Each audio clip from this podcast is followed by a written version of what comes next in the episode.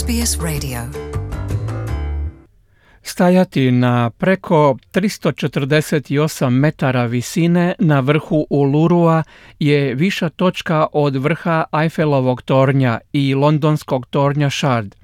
Pješčenjački monolit mjesto je navedeno na unesco listi zaštićene svjetske baštine, a desetljećima privlači turiste iz cijeloga svijeta.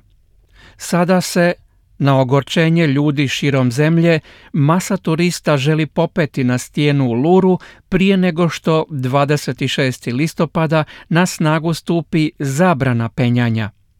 Direktor nacionalnog parka u Luru Katatjuta Mike Miso rekao je da je to najveći broj posjetitelja u više desetljeća.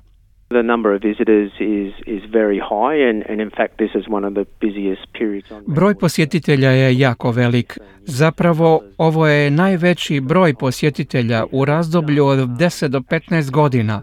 Nismo utvrdili stvarni broj ljudi koji se penju na stijenu, ali znamo da je sigurno u stotinama, vjerojatno i tisućama dnevno. Tradicionalni aboriđinski vlasnici ovog zemljišta, narod u Uluru smatraju svojim svetim mjestom. Kažu da stijenu uništavaju posjetitelji koji se na nju penju, a njihovo kretanje pridonosi eroziji njezine površine. Također stvaraju i veliku količinu smeća i zagažuju obližnje vodotoke. Nagli rast broja posjetitelja – koji se poklapa sa školskim praznicima zabilježen je na fotografiji objavljenoj u novinama Australijen. Članak opisuje turiste koji ne poštuju želje tradicionalnih vlasnika i to je izazvalo kritiku. Thomas Mayer je pripadnik starosjedilaca koji živi na zemlji Larakija u Darwinu. Meyer je proveo 18 mjeseci putujući Australijom i prenosio je poruku izjave iz Ulurua da bi dobio podršku za postizanje prava glasa prvih naroda u parlamentu. Za ABC je kazao kako je razočaran svima onima koji žure popeti se na ovo sveto mjesto. It really disgusts me as, you know, Stvarno mi je to mučno, ne samo kao starosjediocu, već i kao Australcu. Osjećaj pristojnosti, pa gdje je to?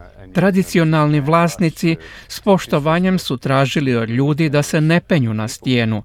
Ipak tu je luda žurba i potpuno nepoštivanje tih zaista velikodušnih ljudi.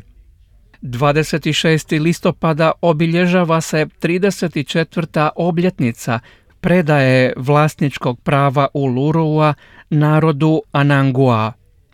Zemljište je potom iznajmljeno na 99 godina kao nacionalni park.